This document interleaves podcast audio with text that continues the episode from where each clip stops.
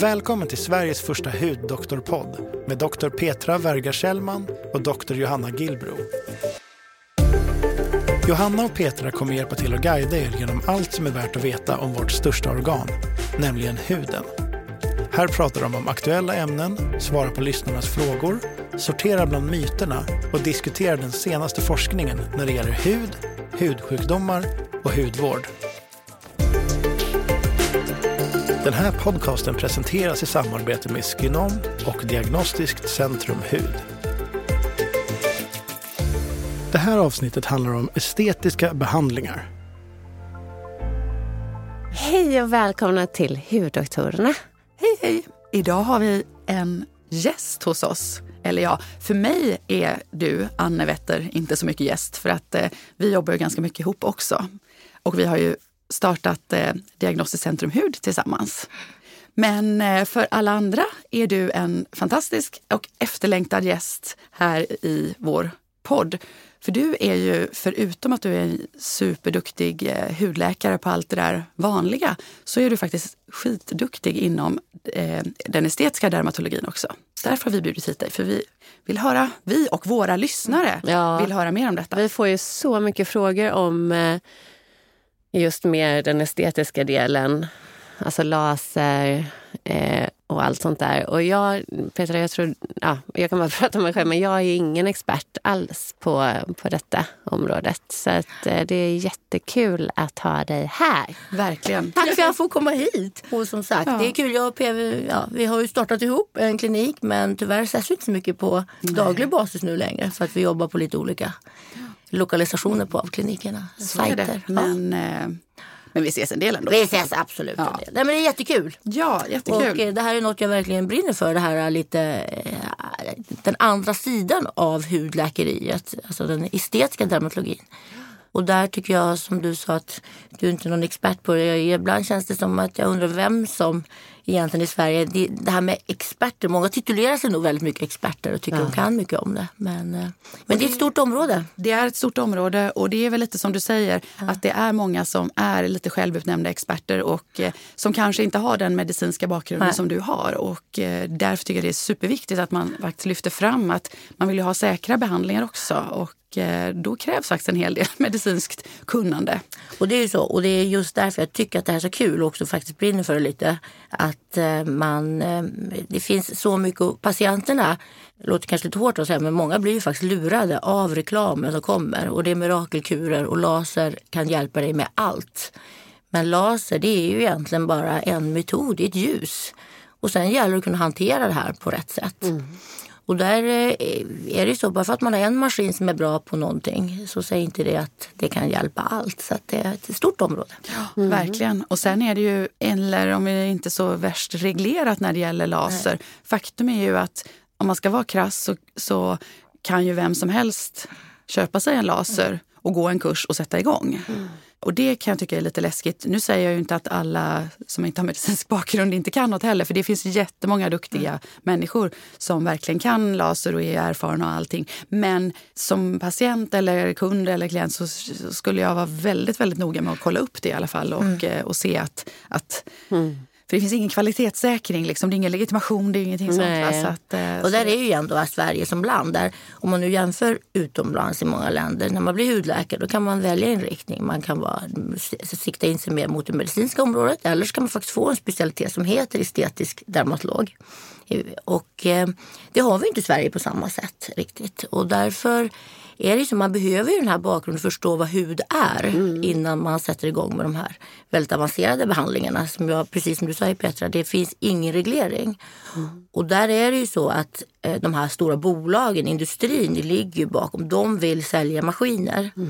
Och de vill sälja till kreatur, de vill sälja för att få ut så mycket som möjligt. Och sen slänger de in en liten två timmars kurs för att lära sig just den maskinen.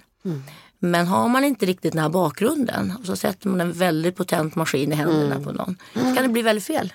Och det ser vi ju hos oss mycket att vi får ju komplikationerna som kommer. Men Det är så. Och det är ingen riktigt som pratar om det. Och vad är det för komplikationer? Alltså den vanligaste det är väl kanske en sån här vanlig sak som att ta bort hår på benen Jaha, hos okej. en mörkhyad, de som har lite mörkare hudtyp eller Ja. som är solbrända. Så kan det bli att man får antingen för mycket pigment, att det blir hyperpigmentering, alltså bruna fläckar. Eller så blir det ingen pigment kvar. För den här lasern den är ju selektiv då. Om vi pratar om hårborttagning så handlar ju hela laserbiten om att det här ljuset ska ju hitta den här kromoforen, det här, värma upp det. Och då handlar just med hårborttagning så är det här melaninet, det här pigmentet som sitter i, i um, hårfollikeln. Och eh, har man då mörk hud, det är klart den här lasern ser ju ingen skillnad på vad som är mörk hud eller det som ska tas bort. Så det är väl en av de vanligaste tror jag som är väldigt så här, Men har du sett eh, att eh, vitiligo kan triggas av eh, hårborttagning? Till exempel, för där sitter ju faktiskt Ja. också stamcellerna till melanocyterna i hårfollikeln. Precis. Alltså jag tror inte jag har sett det så, men det kan säkert. Man vet väl inte riktigt vad som heller triggar vitiligo. Ofta är det väl så att det är någon genetisk bakgrund till det och att det kan vara en utlösande faktor. Mm. Men jag tror mer det att man får de här vita fläckarna och kanske är lite missvisande tolkas som en vitiligo fast det faktiskt bara är ett hypopigmenterat ärr som står kvar. Ja, det finns eh, mycket, mycket saker som absolut som kan gå fel. Men, eh, men vi har fått väldigt många frågor och eh, en av frågorna här, ja, du får läsa upp den Johanna. Ja. Eh, vilken del inom estetisk dermatologi brinner du mest för och varför? Usch, vilken otroligt svår fråga. Alltså hela den estetiska dermatologin är ju eh, väldigt intressant. Och det handl- för mig är det mycket det här att vad kan man göra utöver om man nu har mer eller mindre en medicinsk diagnos. Och då kan man ju nämna rosacea till exempel eller akne och så kanske man vill göra det där lilla extra som att ta bort kärlen där man faktiskt ser att det handlar inte bara om att ta bort kärlen på rosacea utan man faktiskt får en bättre eh, man kan hjälpa själva grundsjukdomen också. Mm. Det tycker jag är kul eh, att, att göra. Men sen är det mycket med ärrbehandlingar som jag tycker är intressant. Och det är också där, också då kanske igen akne som har varit lite styvmoderligt behandlat hos framförallt yngre personer. Som inte får behandling i tid, går kanske lite för länge utan om föräldrarna tar inte riktigt på allvar heller. Och så blir det massa akneärr. Och det är klart, akneärr kan man ju inte få helt bort men man kan få det betydligt bättre med rätt metoder. Så Och vad är rätt metoder då? och det är väldigt svårt att svara på för det beror på väldigt mycket vilken typ av akne man har. Så att har man, eh, därför är det alltid viktigt, man måste ju alltid göra en bedömning. Precis som på vilken sjukdom som helst. Så är det så här, vad är diagnosen? Vad har jag att jobba med? Precis. Och eh, just akne, där finns det inte en metod skulle jag säga. Utan där är det ofta både absolut laser, en viss typ av laser, en fraktionerad laser ofta som brukar vara det bästa. Men också kombinera med till exempel subcision finns något som heter när man går under huden och bygger upp ärret för att liksom lätta. Eh, och även kombinerat med toxins, finns det fillers, eh, kirurgi ibland att man måste skära ut vissa ärr och sy om dem för att de ska bli fina. Så att det finns liksom inget riktigt bra svar. Det finns ingen standardbehandling. Nej. en Och så är det nog med det mesta skulle jag vilja säga just inom den här estetiska dermatologin. Att det är svårt. Vi är så otroligt olika. Och just där så är man ju kanske ännu mindre tolerans för. Där vill man ju ha en väldigt skräddarsydd behandling. Och där handlar det om att komma. Så därför tycker jag, jag lägger väldigt stor vikt vid första besöket. Att eh, göra en behandlingsplan. Vad söker man för? Vad är diagnosen? Vad, vad, har du för förväntningar? Vad tror du vi kan uppnå? Och det är väl steg ett så skulle jag säga. Ja, det är De här förväntningarna är också igen då tillbaka till vi börjar med vad, vad som står i, och särskilt alla sociala medier, vad de här metoderna kan uppnå. Det tror jag är det viktigaste att förklara för eh, patienten i fråga som kommer. Att, eh, vad har du förväntningar och vad tror du vi kan nå? Mm, mm. Vi har en fråga här.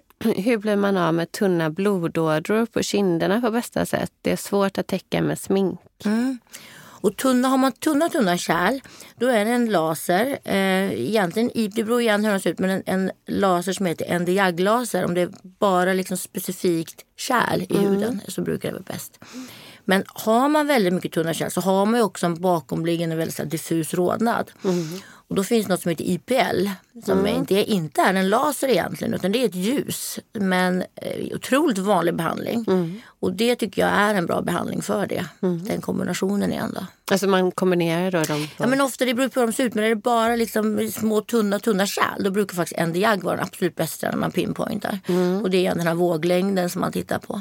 Men har man så så brukar det också vara liksom ett bakomliggande brus som man vill få bort. Och då är Mm. det ofta bättre att man använder den här IPLen som är en skonsam och bra behandling Mm. när den används på rätt sätt. Ja, det var ju superbra svar. Och det, IPL är väl eh, väldigt många eh, som rosacea-patienter också som kan ha Absolut. nytta av. Just för den här om de har väldigt mycket rodnad Mm. i huden. För det har ju vi pratat om i tidigare avsnitt. Att vid rosacea så det ju, finns ju olika krämer och salver som kan ta bort utslagen. Och det finns eh, vissa tabletter också Mm. som verkar antiinflammatoriskt. Men för en del som har kvar den här grundrodnaden, förhöjda rodnaden eller massor av brustna kärl så hjälper ju egentligen inga mediciner. Och här kommer egentligen, det här är egentligen ett ganska typexempel på hur då vill man då ta det. Vi har, vi har liksom en standardbehandling på något sätt för, för det, den eh, grund, grund mm, eller vad ska jag säga, upp till en viss nivå. Men vill man då ta det lite längre så, så eh, finns ytterligare saker att göra. Liksom. Och det är det, det är det som är den här komplementära vården tycker jag. Det här, att man går lite utanför. Men just när det kommer till rosacea som är en otroligt vanlig Ja, diagnos och många faktiskt har problem med det. Så har man också sett när man behandlar med den här IPLen så får man också en viss antiinflammatorisk effekt alltså av det. Att man hjälper själva grundsjukdomen. Absolut, det måste man väl göra tänker jag eftersom en delfenomen i rosacea, alltså uppkomstmekanismerna är ju att kärlen är vidgade och instabila och att de är lite vidgas i tid och otid vilket på något sätt också... Det är just en inflammation runt Ja, kärlen. ja. och Där måste att man dämpar det.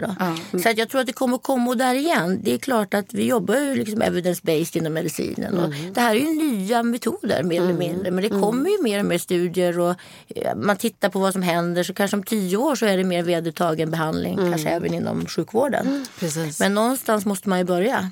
Det, Exakt, och ljusbehandling som så inte, men UVB och UVA, speciellt UVB-behandling, det har ju använts, det är Ja, också ja. antiinflammatoriskt. Dock inte mot rosacea. nej, Just. nej. nej Men- men mot alla andra. och vitiligo till exempel. Och eksem, exakt. Så, eh, Psoriasis. Ja. ja. Ja, men så är det. Mm, mm. Sen har vi också, eh, ja men den här är bra, halsen. Vad är bäst för ingrepp när halsen börjar åldras? Ja. Och Tack igen för er underbara podd, det står det också. Trevligt. Nej men eh, igen då, va, halsen, det är ju där man ser att man åldras. Ofta är det, det är ju så här bortglömt område. Och igen då, då beror det på vilken typ av hals man har och hur den har åldrats. Men om vi pratar den här tunna, väldigt, väldigt finrynkiga huden. Kycklinghuden. Ja, Kalkonhud. kalkon. Det är svårt att få det riktigt bra. Men där brukar jag behandla med också en, en typ av laser, börja med det som också heter ND-JAG-laser för att värma upp. Och värma upp huden, värma upp kollagenet, få det lite, lite strukturen bättre. Det brukar liksom vara grundbehandlingen i det. Ehm, är det sen att man har väldigt, väldigt fina rynkor eller framförallt en väldigt aktiv platysma, den här muskeln som går på hela halsen. Som, som jag har. Ja, och jag. Shit. Då är, kombinerar det med botox för att slappna av eh, halsen. Är också väldigt bra. Och sen igen då kombinera med en typ av hyaluronsyra, någonting som fuktar upp huden. Så att igen det här liksom multimodaliteten, man behöver jobba på olika, man behöver slå till det här. Man vill ju stimulera, stimulera kollagen framförallt för det är det man har tappat och man vill stärka huden. Så att tunna halsar är svårt, men man kan få det lite bättre. Men tyvärr måste jag, har man väldigt tunn och slapp hud på halsen så brukar ju ändå det bästa vara till slut att göra en plastikkirurgiskt ingrepp. Att faktiskt göra ett mindre eller ett större facelift då, där man sträcker ut halsen. Men det är samma sak där. Även om man gör ett kirurgiskt ingrepp och får bort, får en snyggare struktur på det så har man fortfarande hudkvaliteten är dålig. Så ofta blir det så att man kanske då gör ett kirurgiskt ingrepp men sen fortsätter man att göra lite mer då hudvårdsbehandlingar skulle jag säga. Mer hos hudterapeut för att hjälpa till och, och kicka igång. Även pil, kemiska peelingar, mm, bättre laserbehandlingar och så. Men vad tycker du om carboxybehandling för under ögonområdet har vi fått en fråga här. Ja.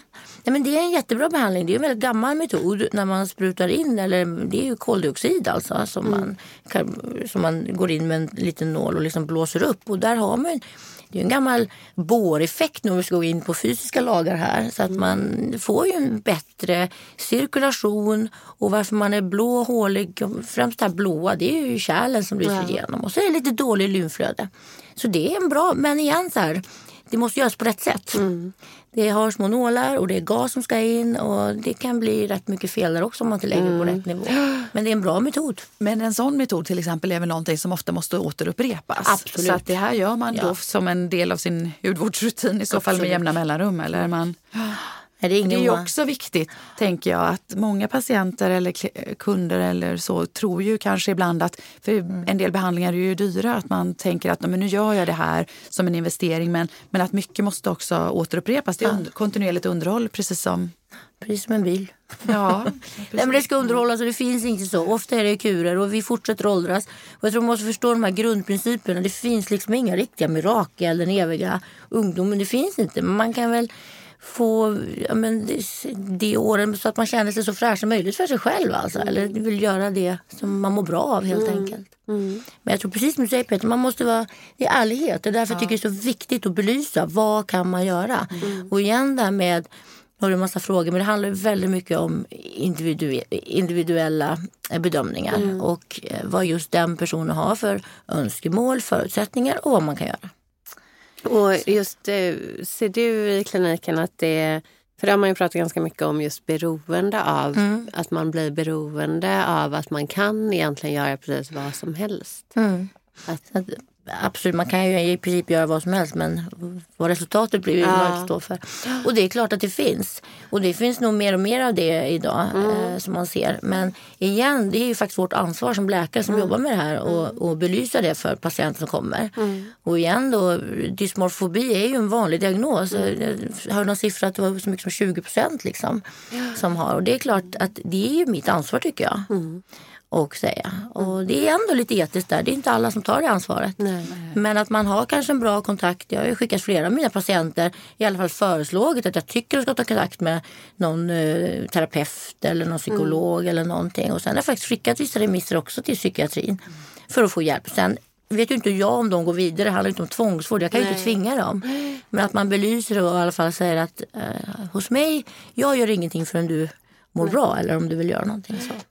Och det är tyvärr, det är ju ett problem. Mm. Och det är ett problem i, speciellt nu hos den yngre tror jag, generationen som kommer. Mm. Man ser alla. Insta eller TikTok medier, ja. generationen. Liksom. För jag bara tänker att, att, jag menar när vi växte upp, alla vi tre väl på 80-talet, mm. det var ju på sin höjd liksom att man använde mascara under gymnasiet. Men att, att göra någonting annat, det, var, det fanns ju inte. Nej, men det fanns ju inte. Det fanns inte. alla de här rutinerna, det ska tvättas och det ska vaskas och det ska vara åtta steg. Bara less is more, gör så lite som möjligt. Mm. Och sen är det så, visst har du något problem, men då får du ta tag i, då är det din, din grej där. Men det här att alla ska göra på samma sätt, mm. det är ju också helt... Ja. Mm. Och det är ju de här eh, det är ju Youtube-stjärnor, eller vad heter alla såna här sociala med de influencers som styr hur jag ser min lilla tjej, hon är åtta år och verkligen ingen tjej som håller på att fixa huden. Men hon står och tvättar sig med en sån här litet band i huvudet. Och det är så här, det går ju ner i åldrarna. Så att, men det är lite ifrån, men så är det ju. En annan fråga som jag bara tänker som vi superofta får tycker jag, det är ju lite det här med Dermapen, du nämnde mm. det, och microneedling. Vad har man det till? Och, eh...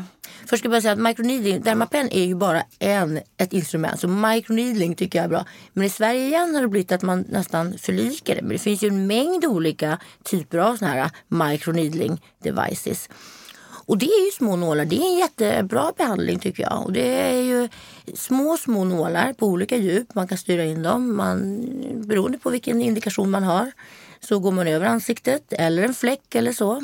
Och eh, det är ju inget ljus så att man kan ju använda det på egentligen alla hudtyper.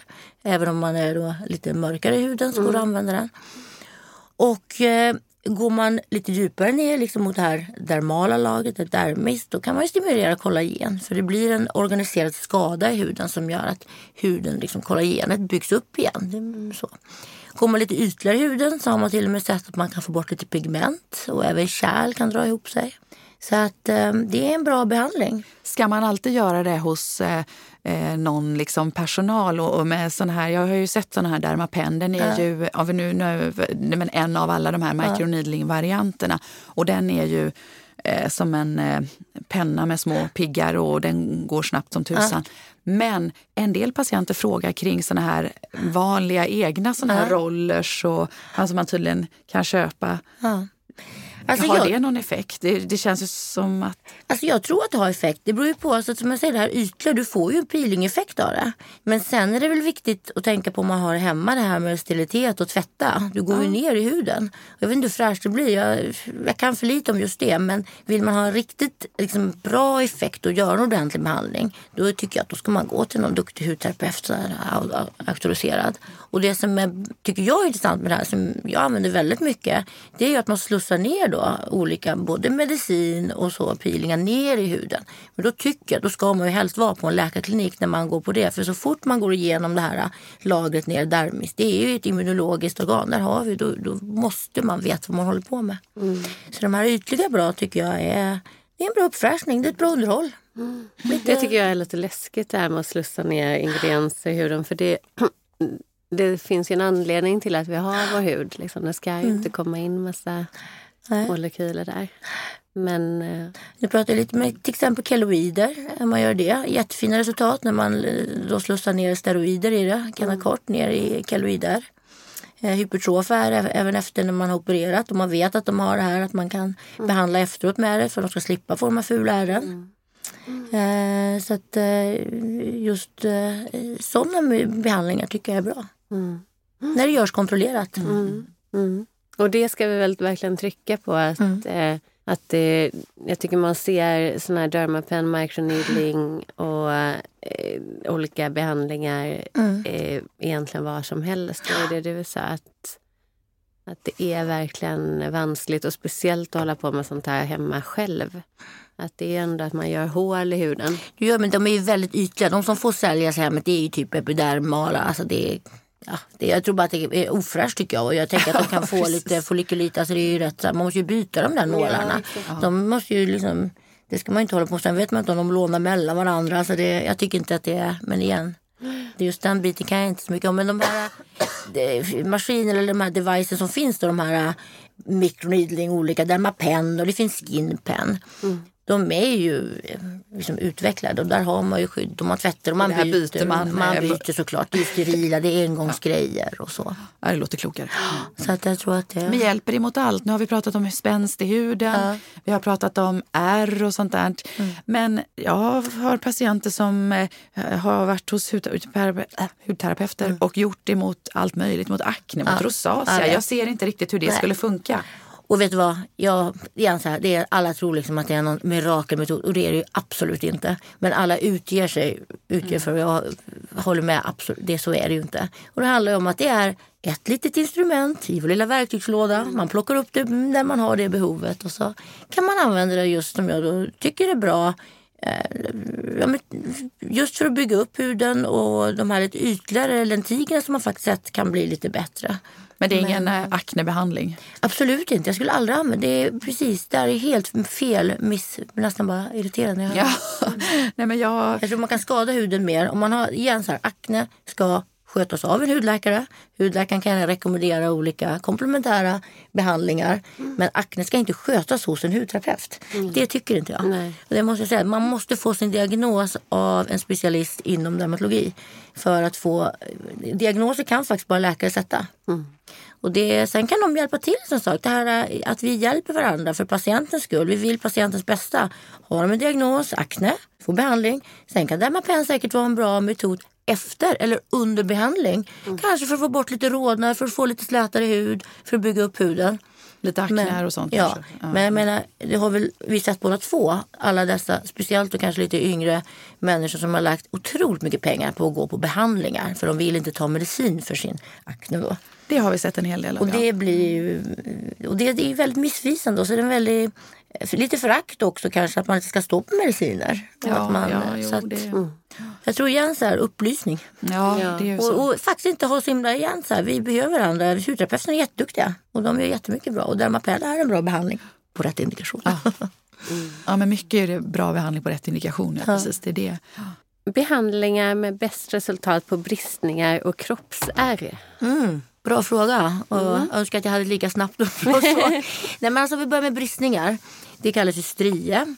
Och det är ju igen, det finns ju lite olika bristningar. Det får man ju när man går upp snabbt i vikt eller graviditeter.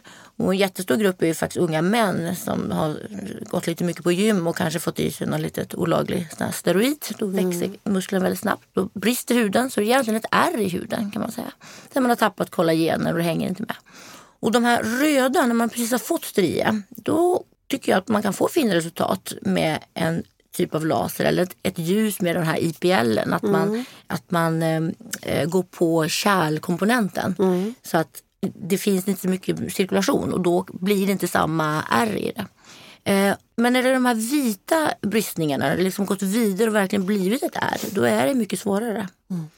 Men då tycker jag att en, en fraktionerad laser som man gör upprepade, man måste göra många behandlingar. Då kan man se en viss effekt på just sådana bristningar. Men det är inget, att- inga liksom revolutionerande Nej, resultat? Nej. Det finns ingenting. Det Jag kan så inte säga att vi kommer aldrig kunna nej. få bort det. Nej, och det är jättesvårt. Och menar, det är samma sak där. Fraktionell laser, det finns radiofrekvens. Och ofta är det så. Är det någonting som det inte finns en metod som funkar, då finns det 10 000 olika metoder. Det brukar Så att- betyda... Ja, precis. Och det betyder bara att det inte finns. Men, Inte, ja. Och jag förstår, det här är ju ett lidande för många. Speciellt då kanske kvinnor som har fått barn. Och tycker att det, Det här är inte heller helt ovanligt tycker jag. Bland, eh, vi får faktiskt en del remisser om det men Ja. vi kan ju inte göra något åt Nej. det. På eh, även alltså, unga tonårstjejer, rent sådana här fysiologiska. eh, Alltså, de, och de behöver inte ha- ens ha gått upp i vikt eller så särskilt mycket utan de kanske bara ja, en tillväxtfas eller så eller om det är hormonellt eller så. Men, eh, eh, ja, men där är ju bara egentligen expectans sitt i båten och eh, Men alltså det man har sett, faktum är, det finns ju studier på det. Och eh, det här med dels fraktionell laser, men sen också vitamin C och vitamin A, alltså retinol och, och vitamin C. Det bygger ju upp kollagenet. Och igen då har man prövat då med att lägga på det efter en fraktionell laser. För på samma sätt som Dermapen gör små kanaler ner i huden så gör ju också en fraktionell laser det. Och sen kontrollerat upp det. Så att man kan få det lite bättre så, men som sagt det är nog mycket som... Det kommer nog mer studier och mer forskning behövs ju på det också. Men man kan aldrig få det kanske riktigt bort. Och det är ju lite samma sak egentligen med akneär. Om man har svår akneär så finns ju ingen behandling i världen som kan liksom ta bort dem eller få det helt bra. Däremot kan man ju förbättra som du berättar om. Och därför tycker jag många gånger det är så himla viktigt just det här med att man kommer in med aknebehandling. Om man har den tendensen att man verkligen, verkligen får till aknebehandlingen snabbt så att det inte blir ärr. Det är ett stort misslyckande om man, Ja. om man får en patient som får så stora ärr. Liksom. Det är hemskt. Ja, nu har vi hört om diverse olika intressanta behandlingsmöjligheter och vi har lite pratat om uppstramning av halsen. Och den, ja, kalkonhalsen den är ju dessvärre ibland lite, lite svår att, eh, att göra någonting åt. Men många frågar ju eh, kring, eh, hud, eller kring saker eller behandlingar som kan förbättra spänsten i till exempel ansiktshuden och sånt där. Vi har ju tidigare pratat en del om, om man säger retinol och niacinamid och så. Men vad finns det för behandlingar då? Med till, ja, då tänker jag laser och sånt. Alltså man säger så här, det icke-kirurgiska ansiktslyftet menar det jag är, helt enkelt. ja, Yes, ja, det är det jag är ute efter. Då ska jag Vilket berätta bra för er flickor att så här ligger det till. Nej, så här är det. Det är svårt. Det är klart att man kommer aldrig kunna... Det, det, alltså ett, ett ansiktslyft det måste man ta till kniven för att få. Men man kan ju motverka. Man kan ändå bygga upp. Och allting det här med att det handlar om att stimulera kollagenet. Vi tappar kollagen. Och det är värmeutveckling man behöver. Och då är det ju mycket sån här fraktionerade lasern igen är en bra metod. Eh, jag använder rätt mycket en maskin som är en kombination med då både erbium jagglaser som har en lite längre våglängd som går på det här vatteninnehållet i huden för att få en eh, uppstramning. Men sen även en, då som har en lite lägre våglängd och värmer upp huden. Och då går man både inifrån, liksom i munslemhinnan inifrån för att få en värmeökning i kollagenet. Och alltså, nästan, kollagen det är ett protein, det är liksom ett ägg som ska kokas här för att stimulera hela. Och då är det klart, då gäller det att man har rätt nivå, rätt värme. Eh, och det igen, det är flera behandlingar, jag brukar göra tre behandlingar. Men jag tycker att man ser en viss effekt och framförallt patienten är väldigt nöjda med den behandlingen. Men det är svårt det här med för och efterbilder och vad man kan uppnå. För om jag eh, minns rätt så är det väl så att de här effekterna mm. som du, med de här behandlingarna du nämner så kommer väl inte de riktigt med en gång heller. Utan Nej. Det är det som är lite läskigt. Som, ja. Om man har betalt massa pengar vill man ju ja. bara gå ut och se helt och det, det är precis, ofta gör man ju det direkt. Då, för att man, ja. ja. nej, men ofta är det så här, ofta får man ju lite effekt direkt för man är lite svullen. Så ofta är de ju väldigt nöjda första dagarna. Nej men sen så tar det ju, sen, för det är ju väldigt viktigt att man visar vad man har uppnått liksom med en för och efterbild för patienten i fråga. Men att hålla på och lägga ut och tro på allting inom sociala medier, det tror jag inte på. Det är därför till exempel på den här kliniken där jag jobbar med estetisk dermatologi så lägger vi faktiskt inte ut några för och efterbilder just för anledning. Vi vill liksom inte tro att det, ska, det är inte för dem. Däremot visar vi bilder vad vi uppnått för själva patienten. Då. Nej, men alla de här, så att jag tycker att den här, eh, en kombination av laser eh, som vi då kallar fotona, 4D, tycker jag är en bra metod. Eh, Ultera eller ult eh, therapy, alltså en ultraljudsbehandling. Där värmer man också upp, man slår till kollagenet. Man ser på maskin precis vilket djup man ligger i. Och man vill då nå den här fascien som går genom hela ansiktet som heter SMAS. Värmer upp där för att liksom få ett litet lyft. Så. Eh, det är två bra metoder och sen igen kombinera och gärna då vill man inte skära så kan man kombinera med olika typer av såna här eh, filler som man kallar i dagligt tal men en speciell substans då som jag tycker lyfter kanske lite mer. Mm. Hur ofta behöver man göra de här behandlingarna? Du nämnde ett par, tre, fyra gånger först kanske, men sen är det då? Alltså den här ultraljudsbehandlingen, ultherapy, det ska faktiskt räcka med en ordentlig behandling. Men man ser effekten först efter tre till sex månader. För kollagenet måste ju nybildas och byggas upp. Det är ju en process, det är inget som händer över natten. Eh, den här lasern får man räkna med kanske tre behandlingar med tre till fyra veckors mellanrum. Mm. Oh. Men det är väldigt svårt tycker jag att säga så. Jag tror att det där är beroende på också vad man har för hudtyp. Har man en väldigt tjock, tung hud då är det ofta svårare att få något riktigt bra resultat. Och det får man också vara ärlig och säga till patienten. Det kanske lämpar sig bättre med någon annan behandling. Eller har man väldigt tunn, nästan genomskinlig hud då är det också svårt mm. att få något riktigt bra. Så, att... så återigen individuell bedömning? Ja, ja. som med allt. Som allting. Mm. Precis. Får man fråga vad kostar en sån här behandling? Om jag skulle vilja mm. gå och eh, ta den här ullterapin. Den lät ju väldigt spännande. Eh, vad Precis. kostar det att göra en sån? Ska man göra en helt ansikte så ligger det runt 20 000. Mm. Alltså om man ska göra hela halsen och hela ansiktet. Det är väl ungefär där det hamnar till slut på den här som vi säger 4D-behandlingen också. Eftersom man gör flera behandlingar. Mm. Så mellan 15 och 20 000. Mm. Och då ska man då ha is i magen sen och vänta i sex månader. Ja, ja, ja men det är så. Ja, men med rätt information så... Ja, med rätt information. Ja, och många blir faktiskt nöjda. Jag tror att det är det som är eh, liksom hemligheten till det. Att man lägger upp, det är som sagt jag gillar den här verktygslådan man har. Där finns laser, det finns olika peelingar och det finns mikroneedling och man har kirurgi. Men vad väljer man liksom för att få, få det bästa resultatet? Och ofta är det en kombination. Ja, just det, och trådar inte minst. Men det... Berätta om trådar, vad är det för Ja, nu kom trådar. Mm. Nej, trådar är också någonting, tycker jag har fått väldigt stort utrymme på sista tiden just i sociala medier. Och det är en det är en tråd, det är precis som det låter. Och de här trådarna är gjorda av olika material. Så PDO-trådar är väl det som är det mest vanliga. Och det är ett ämne som man, man går ner med en tråd, den har en lyftande effekt. Beroende på om man gör den här lyftbehandlingen så sätter man några trådar från ofta då uppe eh, på vid ögat ungefär, på från kindbenet, typ, från kindbenet ner. Så man får ett litet lyft. Och det handlar igen om man lyfter den här fascian som man har tappat med åren, att man drar upp. Eh, sen den metoden tycker jag, den ska ju ändå göras tycker jag främst hos läkare som håller på med det här. Det har också varit en helt galen uppsjö av trådar som säljs av diverse olika bolag och har snabbutbildningar. Det är en eh, behandling en kvällskurs. Som, kvällskurs och det är en behandling som ska göras sterilt, alltså i sterila förhållanden. Det är inget som man gör. Du ska alltså in under huden? Du ska in med trådar i huden och det kan bli otroliga skador både på nerver, kärl och framförallt att man får in. Så den är ingen stor. Jag tycker det är en jättebra behandling när den görs på rätt sätt och vi gör den men vi gör det sterilt som en lite mindre operation. Men sen finns det trådar som heter monofilamenttrådar. Och det tycker jag är en väldigt bra behandling för att stimulera just kollagenet. Det är trådar som också är gjorda av PDO. Men man kan nästan likna det med en eh, sån här fillerbehandling. Så istället för att spruta in det här materialet så lägger man då det här ytligt i huden. Just för att stärka huden, få en bättre hudkvalitet och bygga upp. Så den har jag var väldigt, väldigt skeptisk för något år sedan eftersom jag bara då hade använt för tio år sedan de här helt galna trådarna som bara massa komplikationer. Men nu har jag sett så fina resultat av just de här monofilmentrådarna på akne, är hudstruktur och också lite uppstramande. Och hur får du in det i... Det är som att man går in med en liten nål. Alltså det är nålen som kanyl och så drar man ut trådarna och så sätter de sig i huden. För att stimulera, för att maximera.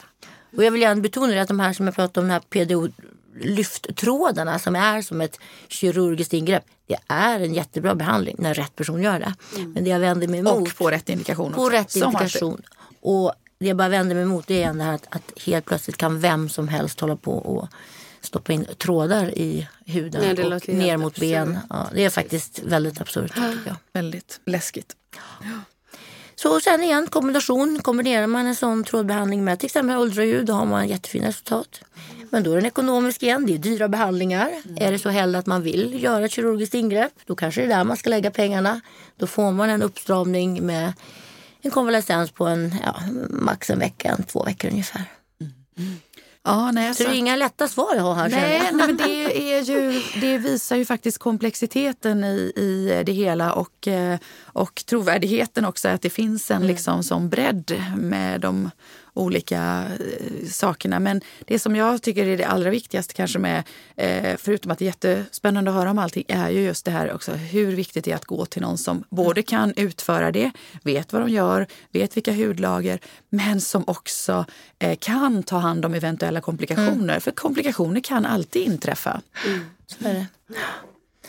Och det är väl det som är problemet. De här, det är ju faktiskt väldigt synd om de här patienterna inte ont anande som går då till en auktoriserad klinik och säger jag trodde det fanns. Ja. Och sen får de komplikationer, brännskador eller infektioner eller ännu värre, ja, kan ju egentligen bli en mängd olika. Och så söker de sjukvården och inom sjukvården vet ingen och de nästan föraktar de här patienterna som får ingen hjälp inom sjukvården. Så att det har liksom blivit en väldigt fel allting tycker jag. Mm. Ja det blir ju svårt för många gånger vet ju sjukvården faktiskt inte riktigt vad de ska göra Nej. heller med de här. Eh, så man hänvisar ju ibland bara tillbaks till behandlaren ja. men sen kanske behandlaren inte vet vad den ska göra eller inte har någon ansvarig läkare bakom eller har klappat ihop kliniken eller vad som helst. Mm. Liksom. Men, eh, men, eh, men det, det, men kan, det kan vara svårt så att de patienterna kan ju bli väldigt de blir väldigt... Och det, och det, det, är därför jag tror att de kommer då. Man får ju se en hel del mm. komplikationer. Och även till och med från sjukhuset har jag fått någon eh, sån här, det var, lite, det var inte inom laser, men var en sån här annan typ av behandling. Vad de faktiskt skulle göra. Mm. Och det är ju så här, det är också lite för att det här som vi har haft i Sverige, tycker lite föraktet mot det. Man har nästan blundat för men det här är ju en verklighet. Folk söker de här behandlingarna. Och där känner jag att vi som hudläkare måste liksom också greppa, vi måste kunna lite om det. Mm. För att kunna förklara för patienten vad, sen måste man inte hålla på med det. Men man kan, måste kunna förklara vad man kan uppnå och vad mm. man kan göra. Och kanske vad man och ska vad man vända sig. Göra. Och vad, absolut, det är något större. Finns det någon inte... behandling som det här som florerar som du absolut avråder ifrån? Plasmapenn. Berätta, vad är det för något? Plasmapenn, äh, men alltså, det, är, det finns en, det är egentligen en bra liksom, metod. Det är, man kan säga så här, något, inom fysis, fys, fysikens värld igen så är det liksom det fjärde tillståndet. Det är en gas och det värms upp och det blir en värmeutveckling. Och där finns det bra plasmapennbehandlingar. Men det som florerar mycket i Sverige nu det är liksom en vanlig elektrisk ström nästan som går ner och skadar huden. Och så gör de små, små, små prickar runt ögonen för att strama upp huden. Och ja, i många fall går det väl bra fast det kanske inte blir så jättemycket effekt. Men i flera fall har jag sett att det verkligen blir pig, alltså skador i huden. Det är, liksom, det är elektrisk ström som går ner. Och det ska absolut inte hudterapeuter hålla på med. Men det är det väldigt många som gör kommer väl bli lynchad efter det här programmet. nej men det är ja, faktiskt något som jag avråder från. Det är ändå att, att, mm. att man gör det man kan och behärskar och, och kan ta hand om eventuella komplikationer. Mm. Absolut, det tycker jag är väl bland det absolut viktigaste i, mm. i det här programmet. Som. Vi hade en fråga här om PRP-behandling. Mm. Vad... PRP är en jättebra, det är också en väldigt gammal metod. Man tar blod, Mm. vampyrmetoden kallas det lite så här. Man tar sitt eget blod och man centrifugerar det. Och det är i de här blodplättarna, trombocyterna, så sitter en massa tillväxtfaktorer. Mm. Som gör ju, det är ju hela kaskaden. Det är det som gör att faktiskt vi kan fortsätta leva när vi skadar oss. Att, att vi får en, blodklott eller vad säger det? Mm. Ja, att, att det Blodrest koagulerar. Koagulering, koaguleringscyklar. Så i det här, och de här då tillväxtfaktorerna sprutar man in igen då i huden. Och där, det är en bra behandling. Det använder jag väldigt mycket efterlaserbehandlingar på när man har behandlats för akneär till exempel så får man en snabbare läkning. Det är bra på hår har man sett fina resultat. Att det faktiskt kan stimulera stamcellerna som ligger, precis som du sa, i hårfollikeln. Kan det stimuleras med de här tillväxtfaktorerna. Um, finner också även då under ögonen, om man har väldigt tunn hud under ögonen så är det också en bra metod. Men PRP är ju, och det är ju inte bara inom estetiken man använder det. Man använder det även inom ortopedin mycket. På fasciter och tendiniter och tennisarmbågar och så. så att, och det är väl igen så här, det är ingenting som är det finns en mängd studier på det här och jag tror ingen riksdag har sagt att det här är status, här gör vi evidence-based. Så, men mycket som tyder på att det händer någonting i huden. Så jag tror igen, det, man får liksom följa forskningen och desto mer behandlingar vi gör och desto mer som finns dokumenterat så kan man ju till slut dra bättre slutsatser av det.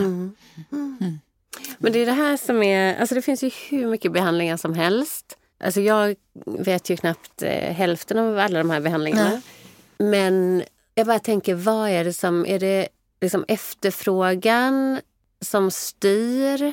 Eller efterfrågan av personer, kanske främst kvinnor? Eller, eller Ja, mycket män också. är det mycket män också? Ja. Ehm, eller är det då företagen som erbjuder alla de här valen och det är då som man får tror det är en kombination. Eh, Det är klart, man ser ju alltså, det är, ja, bra fråga, men det är klart att det är en efterfrågan. Folk, man ser ju det är det som ökar mest i världen när man ser vilka otroliga alltså, pengar det rör sig om. Och hur alla ska sko sig på den här lilla, lilla biten då. Och det gör ju verkligen inte alla. Det är ju också en, många som inte eh, klarar av den här marknaden heller ska man säga. Så att, eh, men det är klart att industrin och bolagen driver ju på. De producerar nya maskiner och det säljs och läggs otroligt mycket pengar på det. Så det blir nog en väldig syn- synergieffekt på det. Man vill eh, se yngre, speciellt idag ska ju alla se unga ut. Man vill se yngre ut, man vill se fräschare ut. Hur gör man? Och så, så är det många då som hoppar på det tåget också. För nu finns det ju även, eller det kanske inte är helt eh, samma ämne, men man går ju faktiskt eh, mot lite pro-aging Mm. eh, inom marknadsföring och så. Man ser att man kanske inte behåller sitt gråa hår och inte färgar. Och jag tror att det kommer ske även i... Jo, men att jag det tror kommer få absolut... liksom någon antitrend. Ja, men antitrend, jag tror absolut, så kan det säkert vara att man ska ha grått hår, man ska ha såna fina rynkor. Men man vill ändå liksom ha fina rynkor och det tycker jag, det är så man vill se på det. Man ska inte se ut som man är 25 år när man är 50, det ska man inte. Och man ska inte ens vara 70 år, man ska ha såna fina rynkor men kanske ändå att man bär upp det, att man ser fräsch ut.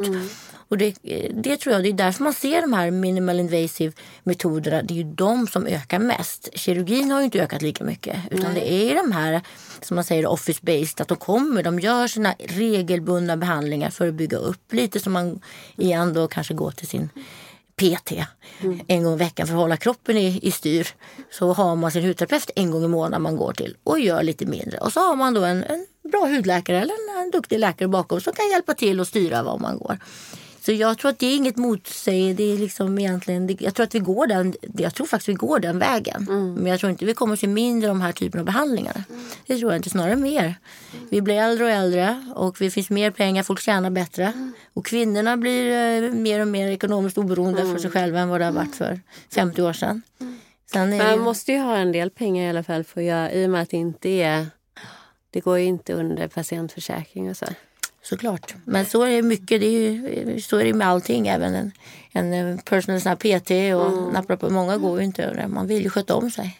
Så att, och sen är ju Sverige ett väldigt litet land. Men nu tittar man ju mer om man nu ser internationellt hur det ser ut. Vi följer ju väldigt mycket eh, i utlandet. Och USA och speciellt Asien är det ju alltså, galet hur, vilken utveckling det är. Men som sagt, det är mycket, jättemycket som absolut, jag tror igen de här metoderna, alltså det är vissa fysiska lagar vi måste förhålla oss till och vissa biologiska liksom, sanningar som finns. Vi åldras på ett visst sätt och vi kan reparera vårt kollagen på ett visst sätt men vi kommer aldrig kunna, vi kommer aldrig få någon anti-aging. Vi kommer att dö en vacker dag, vi kommer att ha rynkor. Så är det. Alltså, liksom, vi är och, inte odödliga. Nej. Tyvärr inte. Så det, och jag tror ibland glömmer man bort det när man pratar om det här också. Ja. Ja, det var väldigt mycket spännande och matnyttigt. Och eh, ja, jag tror att, jag hoppas att våra lyssnare har lärt sig mycket. Verkligen. Har... Jag har lärt mig jättemycket. För ja. jag, verkligen. Håller med. Superspännande, superintressant. Vi skulle kunna fortsätta prata hur länge som helst om det här för det är ett jättehett ämne. Och, ja. Eh, ja, det finns ju inget ämne som väcker så mycket Eh, eller ja, det finns det förstås, det finns fler ämnen som väcker mm. mycket. Men, men det här är ett ämne som i alla fall väcker väldigt mycket eh, vad ska jag säga, motsättningar ja. och starka känslor. Ja. Kanske det. Ja, verkligen. Ja, man ska, man ska man inte och så vidare. Men jag kanske men, håller med dig Anne. Det jag säger så här, det är faktiskt upp till var och en. Det, det måste vi ändå enas om. Jag tror att det viktigaste som jag tycker man ska belysa är att ta reda på information och, och, och göra lite bakgrundsinformation om ni ska gå på någon klinik och se vad vad man kan hitta. Mm. Eh, och det är svårt. Alltså det är ett myller av felaktig information där ute också. Det är en djungel så det är inte lätt. Så att det är väl mer tycker jag att det var kul att få prata lite om vad man kan förvänta sig, ja. vad det finns. Hoppas vi har rätat ut några frågetecken i alla fall. Jo, Eller skapat fler tror jag. Nej, ja, men det, det, det kan vara både och ibland faktiskt. Ja. Tusen tack snälla, ja, snälla kära Anne för att du kom Trevlig hit. Trevlig måndagmorgon. Det här var på Valentine's Day. Ja. Ja. Just det. Så är det. Ja, tack så hemskt mycket. Ja. Så eh, hörs vi, ses vi näst, näst, nästa vecka. Ja, det gör vi. Och. Äh, ja, tack för att ni lyssnar. Tack. Fler frågor, skicka bara. Ja, bara skicka. Hej. hej, hej.